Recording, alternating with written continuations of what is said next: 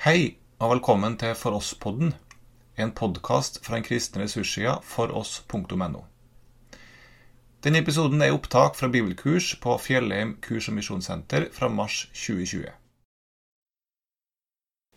Eh, det bliver så min eh, uh, sidste undervisning uh, her, og det bliver... uh, jeg føler det sådan lidt, øh, lidt mye i øst og vest, men det som jeg øh, er blevet øh, bedt om at sige noget om ved denne anledning. I går med temaet om den moderne fariseisme var det sådan vældig centralt evangelisk, og nu skal vi så skifte spor og gå over i en, øh, i en decideret pædagogisk gate, formidlingsmæssig gate. Og jeg håber, I er med på den, på den bredde i, i tingene. Føler måske også sådan lidt efter en god bibeltime og sådan, så, så skal vi så bevæge os lidt ud på, på et andet felt, men altså også et relevant felt for, øh, for vores formidling. Men sådan blev det altså med, med, min, øh, med min undervisning her lidt, øh, lidt i øst og vest.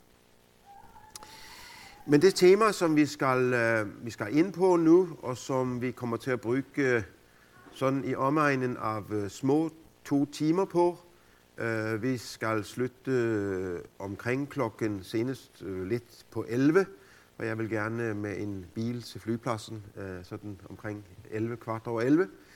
Øh, men øh, så holder vi en pause undervejs, så vi også lige får lidt øh, pusterum. Så vi har altså knap øh, to timer på os nu til, øh, til dette tema, som hedder påvirkning med respekt. Og øh, der kan man tænke på forskellige former for påvirkning. Øh, naturligt er det vel for os i denne setting at tænke på den kristne påvirkning. Og øh, der handler temaet altså om, hvordan formidler vi vores kristne påvirkning. Det kan være opdragelse, det kan være forkyndelse, det kan være undervisning, forskellige typer af påvirkning. Hvordan gør vi det på en god måde? Det er kort fortalt øh, vores tema. Så øh, vi har ved andre anledninger øh, hørt, hvad indholdet er. Det kommer vi ikke til at gå ind på her, men vi kommer til at se på, øh, hvordan gør vi det på en god måde. Og selvom det er vældig mye sådan i den pædagogiske garde, så vil jeg godt, at vi beder sammen også for, Øh, for denne tema. Kære far i himlen, tak for, at du har givet os opgaven med at, at påvirke ret og godt med dit ord, med kristen opdragelse, med kristen undervisning, øh, med almen menneskelig visdom og alt godt, smukt og stort og fint, som du har givet i dette skaberværk. Her vil du hjælpe os og gøre os til øh, vise mennesker, kloge mennesker, kærlige og faste mennesker, som øh, både formår at møde mennesker med, med tydelighed, med kant, men også med kærlighed og forståelse. Hjælp os, at øh, vores samling om dette må dygeliggøre os lidt i den retning. Amen. Øhm, min interesse for dette tema er blevet vagt for flere år siden, øh, fordi vi havde en, øh, en debat i Danmark for der er omkring 15 år siden, hvor øh, det kom frem, og det er også kommet mange gange frem siden, at der findes miljøer, det har været fremme i dagspressen, det har været fremme på tv og så videre, at der findes miljøer, som, øh, som påvirker til eksempel deres barn på en, øh, en uheldig måde. Og medier har også været, øh, om ikke fyldt, så i hvert fald der har været eksempler på, at folk er stået frem, for eksempel fra kristne miljøer, men det kan også være fra politiske miljøer, og stået frem og som voksne øh, været kritiske over for den påvirkning, de blev udsat for, da de var barn og ungdom. Og den kritik har nogle gange noget på sig, og andre gange ikke noget på sig. Øh, men jeg følte allerede der for 15 år siden, at der alligevel var så mye kjøtt på dette spørgsmål, så det var værd at undersøge. Hvordan påvirker man på den gode måde, øhm, i modsætning til en dårlig måde? Så det fik mig i gang med, med det øh, første lektorprojekt, som jeg så senere har afleveret ved Norsk Lærerakademi, øh, og som sådan set bliver, øh, hvad skal man sige, øh, grundideen i det, jeg siger her. Jeg interviewede et antal personer øh, for at få mennesker til selv at fortælle, hvordan de havde oplevet øh, den påvirkning, de var blevet udsat for. Øh, I første omgang spurgte jeg nogle få, man skal gøre det, når man laver sådan en undersøgelse, man skal lave lidt pilotprojekt først, og der spurgte jeg nogle ungdommer om deres, den påvirkning, de var blevet udsat for som barn, hvordan den havde været. Men ingen af de havde været udsat for påvirkning på den dårlige måde. Så de kunne ikke sige mye om, hvad forskellen var på at blive påvirket på den gode måde og den dårlige måde. Så jeg måtte have fat i nogle folk, som i dag var voksne, og så høre, hvordan, øh, øh, hvordan de oplevede det, der som de havde været udsat for både påvirkning på den gode måde og den dårlige måde. Og disse cirka ni personer, som blev grundlaget for det her, de kunne fortælle mye om den forskel, de oplevede på øh, påvirkning på den gode måde eller den dårlige måde. Det lidt interessante var, at disse ni personer øh, havde enten en opvækst i et kristent miljø, eller i et decideret socialistisk miljø. Det gav mig også en anledning til at finde ud af, at det er faktisk ikke påvirkningens indhold, som i sig selv gør, om man føler det på den gode måde eller den dårlige måde, men det er altså den form, der anvendes, den måde, man som i det her tilfælde voksne gør det på. Og man kan sige det øh, jo ganske enkelt, og det er jo i virkeligheden vældig elementært, at det er sådan med os mennesker, at vi påvirker hverandre. Vi har været sammen nogle dage her på bibelkurs, og vi kommer sammen, fordi vi ønsker at blive påvirket. Eller fordi vi ønsker at påvirke. Det er der intet øh, hverken mærkværdigt eller forkert i. Vi er dybt afhængige af, og især børn, som jeg så har brugt som eksempel her, barn og voksen, især barn er dybt afhængige af at blive påvirket. Hele tanken om, at man altså kan, kan have en form for neutral opdragelse,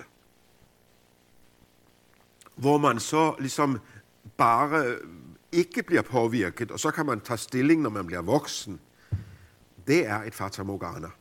Det findes ikke i virkeligheden. Det findes måske i nogle øh, folks øh, hoveder eller på deres skrivebord, men ute i virkeligheden, der, der findes det ikke. Ikke påvirkning findes ikke. Vi påvirker altid, og det er øh, meningen øh, med, med vores samvær i det hele taget, også som mennesker, øh, at, at påvirke hvad andre, selv at påvirke og blive påvirket.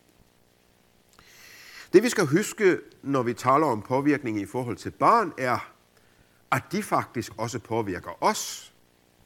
Derfor går pilen også den anden vej. Det er ikke sådan en, en fuldstændig 100% ensidig trafik fra mig som voksen til barnen. Det ved enhver af jer, som, som har barn eller har haft barn, øh, at, at, at påvirkningen går også den anden vej. Om barnet har sygdom, så påvirker det os. Om barnet har faste meninger, når det bliver lidt ældre, så påvirker det os. Om barnet har som teenager måske andre politiske overbevisninger, end vi har, så påvirker det os. Så det er en gensidig øh, sak med, med denne påvirkning. Øhm, men nu ser vi det så mest øh, ud fra det perspektiv, hvor det er den voksne, som påvirker barnet. Men jeg vil gerne understrege her, at det kan også være andre situationer. Det kan også være jeg vil kunne skrive L for læreren, som påvirker E, eleven. Det kan også være F for synderen, som påvirker T, tilhøreren. Altså, vi kan skifte disse betegnelser ud med, med, med mange andre eksempler. Uh, og jeg tænker, at de to uh, hovedeksempler, jeg så vil bruge her, det er netop i forhold mellem barn og voksen, og imellem forkynder og tilhørere. For også der er der uh, påvirkning på, på, uh, på spil, og der findes også eksempler på at gøre det øh, i forsyndelsesmæssig sammenhæng på gode måder eller på dårlige måder. Ja, i mine samtaler med disse ni folk øh, dukker der op to, øh, to vigtige markeringer for, øh, hvordan påvirkningen på den dårlige måde virker, eller ser ud, eller opleves. Og vi skal huske her, at det er altså det enkelte menneskes vældig subjektive oplevelse af, hvordan det finder sted. Øhm, og det er den subjektive oplevelse, jeg tager afsæt i, velvidende, at der kan jo være sådan på mere objektiv basis nogle andre forhold, som har været i spil. Det kan godt være den vældig negative oplevelse, et barn har oplevet i forhold til en lærers påvirkning, øh, er helt anderledes for en anden elev, eller vidderligt er anderledes. Så det er ikke raketvidenskab, det er ikke sådan objektiv Øh, det handler om vældig langt på vej, hvordan, altså, men det er så også nogle levende mennesker, har oplevet øh, den påvirkning, de blev udsat for. Og der markerede disse folk, som jeg interviewede, to vigtige grænser.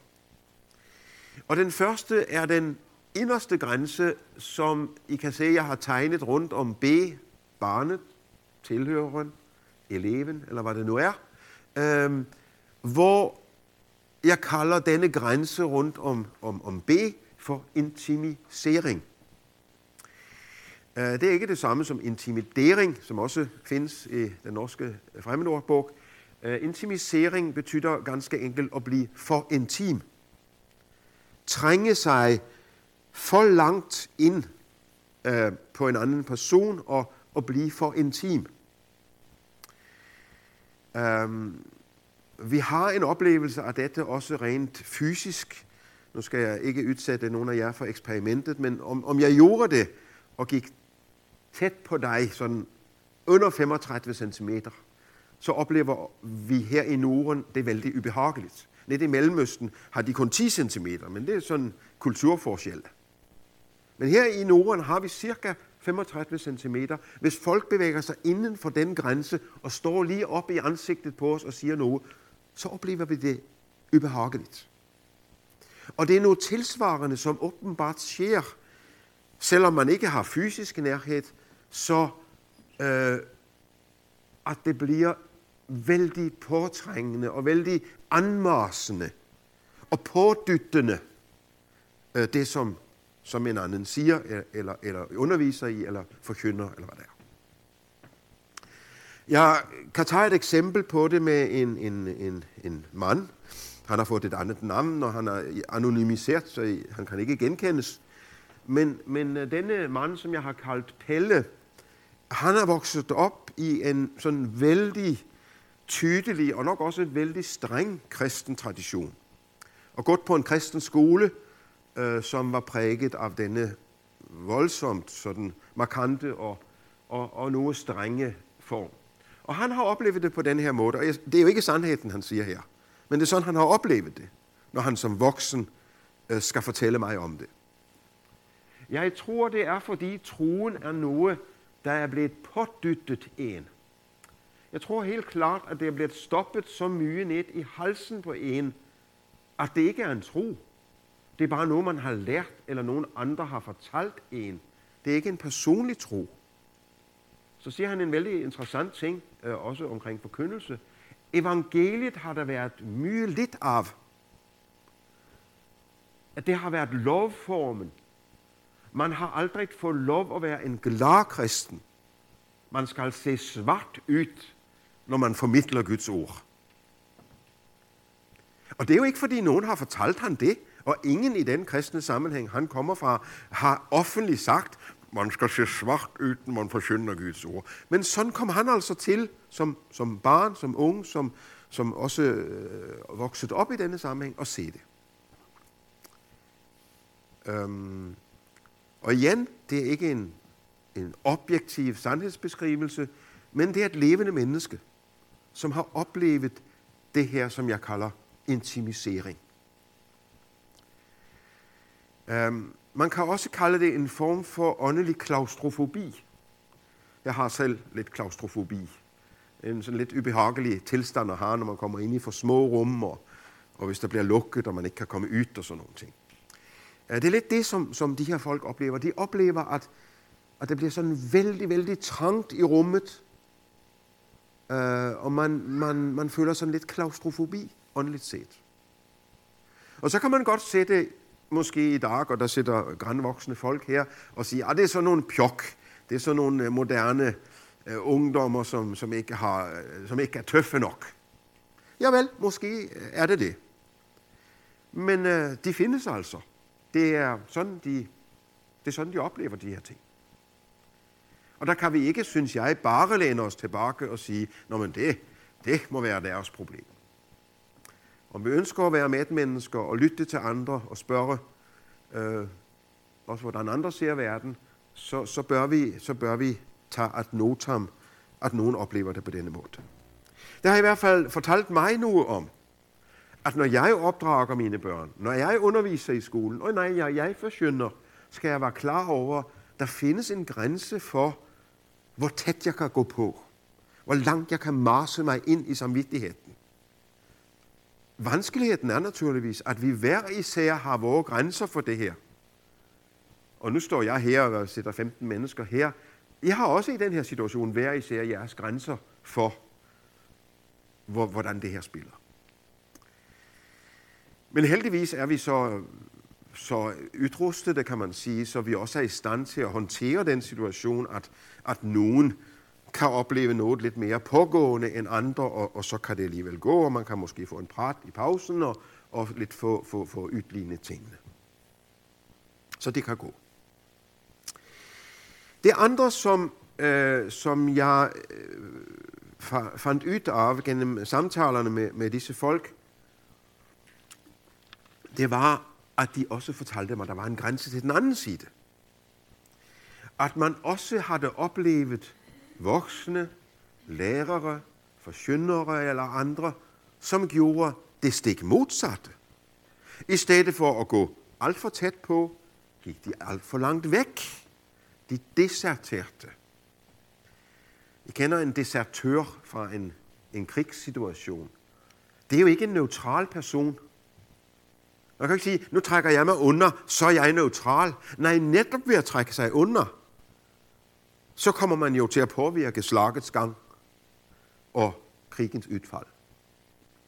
En desertør eller en, der deserterer, påvirker så altså ikke på den måde, at man går for tæt på, men kommer indirekte til at påvirke vil ved at, så at sige, ikke ville, forsøge ikke at ville påvirke den anden. Men det er også en egen form for påvirkning. Uh, i skolesammenhæng har vi lidt en, en vits øh, på det her, som, som går på, at det er den holdning, en, en lærer udviser, når en elev spørger, hvad er klokken? Så svarer læreren, ja, hvad synes du selv? Og en påvirkningsform, som efter min mening er en stor fare i vores tid. Relativismen, ikke mindst, relativismen er med til at dra os under og sige, en hver bliver særlig i sin tro. Der findes ingen sandhed. Nej, jeg vil ikke påvirke. Nej, jeg, jeg mener ingenting. Jeg, er, jeg har ingen mening om Gud. Jeg har ingen mening om politik. Jeg, jeg må ikke, det er farligt at påvirke. Det interessante er altså, at barnen eller den, som bliver udsat for det her, kan opleve det negativt som desertering. At den voksne eller forskynderen ikke vil mig noget. Altså det er det, man får penge for, når man er lærer. Det er at ville eleverne noget. Og nu får vi ikke penge for at være prædikanter, Men det er det allervigtigste for en prædikant, det er at ville sine tilhørere noget. Har noget at give og ville, ville påvirke med.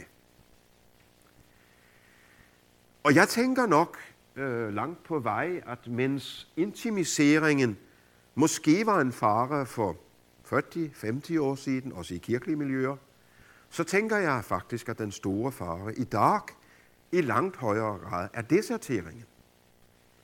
Ikke den alt for pågående påvirkning, men den modsatte. At man forsøger med neutraliteten, som altså slet ikke findes. Og som derfor bliver negativ. Så disse linjerne rundt om folk er bevidst lokket sådan lidt bølgede, fordi der er også vældig stor forskel på, om det er V1 eller V2. Om det er den ene lærer eller den anden lærer. Om det er den ene forsynder eller den anden forsynder. Og om det er den ene barn eller det andre barn. Om det er den ene elev eller den andre elev. Den ene tilhører eller den andre tilhører. Det er voldsomt forskelligt. Og en lærer kan måske faktisk gå ret tæt på, mens en anden lærer ikke kan det. Og et barn kan holde til mye pres, og andre kan ikke holde til så mye. Sådan, sådan er det bare. Og det gør det selvfølgelig lidt mere komplekst. Øhm, det er måske mest, øh, hvad skal jeg sige, det, det, det vigtigste, eller det, det, øh, det øh, mest øh, positive, som, som kom ud af denne interviewundersøgelse, var nok, at disse folk, jeg pratede med, jeg læste også bøger og så nogle film og sådan nogle ting, som hjalp mig til at sætte ord på det her, men det var nok de to andre ord, som dukkede op. Nemlig at øh, informanterne der, de jeg pratede med, det var jo folk, som i dag var voksne, som så fortalte om deres tid som barn eller ungdom. Øh, det var, at de kunne udpege også betydningen af det, jeg så her vælger at kalde konfrontering, som er et positivt ord, mens intimisering er et negativt ord. De efterspurgte disse folk, som jeg pratede med, de efterspurgte voksne, lærere, som magtede den gode konfrontering. Den gode oplevelse af at møde et menneske, som vil mig noget, og som har omsorg for mig på samme tid. Som ikke bare opfatter mig som en flaske, der skal hældes et indhold ned på, men som møder mig som menneske, og vil mig noget godt med det, som man vil påvirke med. Og det er jo vældig, op, det er vældig, det er vældig øh, Øh, hvad skal jeg kalde det, vældig opløftende. Fordi øh, der siger disse folk jo, at jamen, skal vi påvirke på den gode måde, så må vi have noget på hjerte. Og vi må ville andre noget. Men altså ikke gå for langt. Det er jo det, der er udfordringen. Gerne ville nogen noget. Gerne have noget på hjerte. Gerne ville, hvis vi nu tager øh, vores forkyndelsessituation, gerne ville forsynde Guds lov med dens alvor og Guds evangelium i dets overraskende herlighed. Gerne ville det, men altså aldrig begå overgreb, overtramp. I har et norsk ord, som hedder overkøring, som i en del norske sammenhænge omkring det her er et vældig godt udtryk.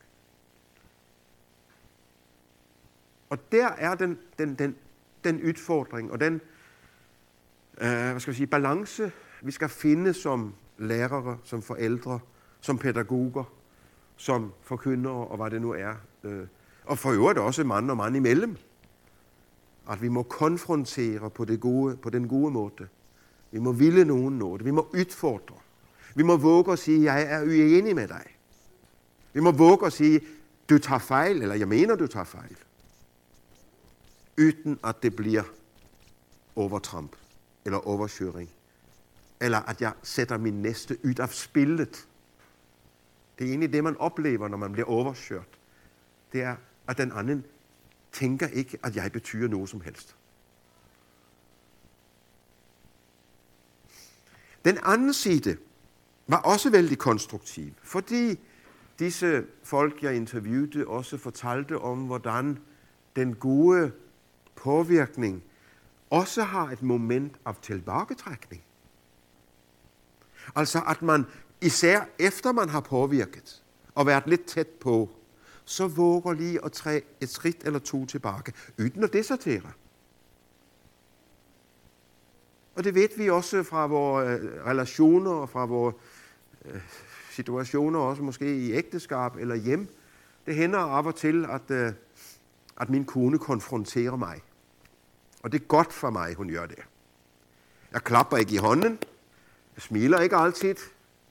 Men det er grundlæggende godt for mig, at en, som elsker mig, også våger at sige, her tæller ikke længere. Du lovede det i sommerferien, at du ville lave mat en gang i uken. Nu er det seks uger siden du har gjort det sidst. Karsten, det går ikke. Jeg står ikke og klapper i mine hænder, og, men det er godt, at hun våger den konfrontering. Og så er det godt, at hun kan tilbagetrækningens kunst, og ikke så lige kommer i tanke om fem andre ting, han også lige skal have vide. For så bliver jeg helt... Så trækker hun sig lidt tilbage, så siger jeg til min frue, hun hedder Ellen, og jeg går mig lige en liten tur. Og hun siger, ja, tager du en god tur så går jeg ud, og så har jeg et stort æggetræ, jeg nogle gange går hen til Hillerød, sådan et træ, som har stået der i 5, 6, 700 år. Og det er så trygt at, at være der ved sådan et stort gammelt træ, og så tænker jeg lidt over tingene, og så kommer jeg hjem, og så, ja, det skal blive anderledes. Du har ret. Det er, og det at sige undskyld, det er jo at sige, det skal blive anderledes. Undskyld må aldrig blive den her hurtige, ja, så, er vi ligesom, så kan vi komme videre. Undskyld betyder, jeg skal nok lakke det om. Og så kommer viljen på spil jo, som vi pratede om for et par dage siden. Det er viljens betydning. Men pointet her er altså det, at den gode påvirkning finder sted i et felt mellem den gode konfrontering og den gode tilbagetrækning. Når forsynderen har forkyndt varmt og godt, og alvorligt også måske, så er det også vigtigt, at han stopper på et tidspunkt. Drar sig lidt tilbage og lader tilhøreren være lidt alene med disse alvorlige eller mye glædelige tanker, vi har mødt. Måske skal det blive til en prat efterpå. Men, men det er jo ikke mig, som føder troen. Det er jo ikke mig, som skaber syndserkendelse. Så selve det, at vi har heligånden i spil, også i vores tankning, er faktisk en hjælp til at trække os lidt tilbage. For det er ikke mit bord at give mennesker synserkendelse eller frelsesvidtligt eller tro. Det er jo åndens virke. Så det er en stor hjælp til faktisk, at, også når man forkynder, drager sig lidt tilbage. I en stærk tro på, at han, som er almægtig, han bruger mine mangelfulde, ikke perfekte ord, og ved sin almagt skaber tro og trøst og liv og alvor. Det er den store lettelse ved at være kristen formidler. Og det sidste ende, så er det ånden, som gør det. Og i dette spil mellem at påvirke ved at konfrontere og trække sig tilbage, der er vi i det gode felt. Men vi må altså være varsomme, når vi konfronterer, ikke at gå på intimiseringen, når vi trækker os tilbage, ikke at gå på deserteringen. I midlertid er det lidt interessant, at øh, hvor man skulle tænke, at intimisering, at det ligger helt her ude i den ene ende af en lang linje, og så ligger deserteringen herover i den andre ende, så tror jeg de facto, at det ofte er sådan, at vi skal tage denne lange linje og bøje den, som jeg har gjort her på illustrationen, fordi på i hvert fald nogle områder er deserteringen og intimiseringen, siamesiske tvillinger, minder om hverandre. Nej, de minder måske ikke om hverandre, men de findes desværre ofte parallelt. Og desværre er det sådan, at nogle af de mennesker, som har fare for det ene, har også fare for det andet. Og nogle af de, som har risiko for at blive for intime, for overkørende, er også de, som har fare for at trække sig for langt tilbage og desertere. Nu er alt det, vi prater om her, jo ikke noget, som ligger i den kriminelle. Der, vi, snakker, vi prater ikke incest, vi prater ikke vold og den slags ting her. Ingen af det her forhold er, er ting, man kan komme i fængsel for. Men jeg pratede med en, en, en psykolog, som jeg kender, og som har store erfaringer med, øh, med rigtig hårdt ramte familier, hvor vold og incest og den slags ting er i spil. Og da hun så denne model, så sagde hun, jamen det kender jeg jo så præcist igen fra de ja, kriminelle forhold, som hun møder.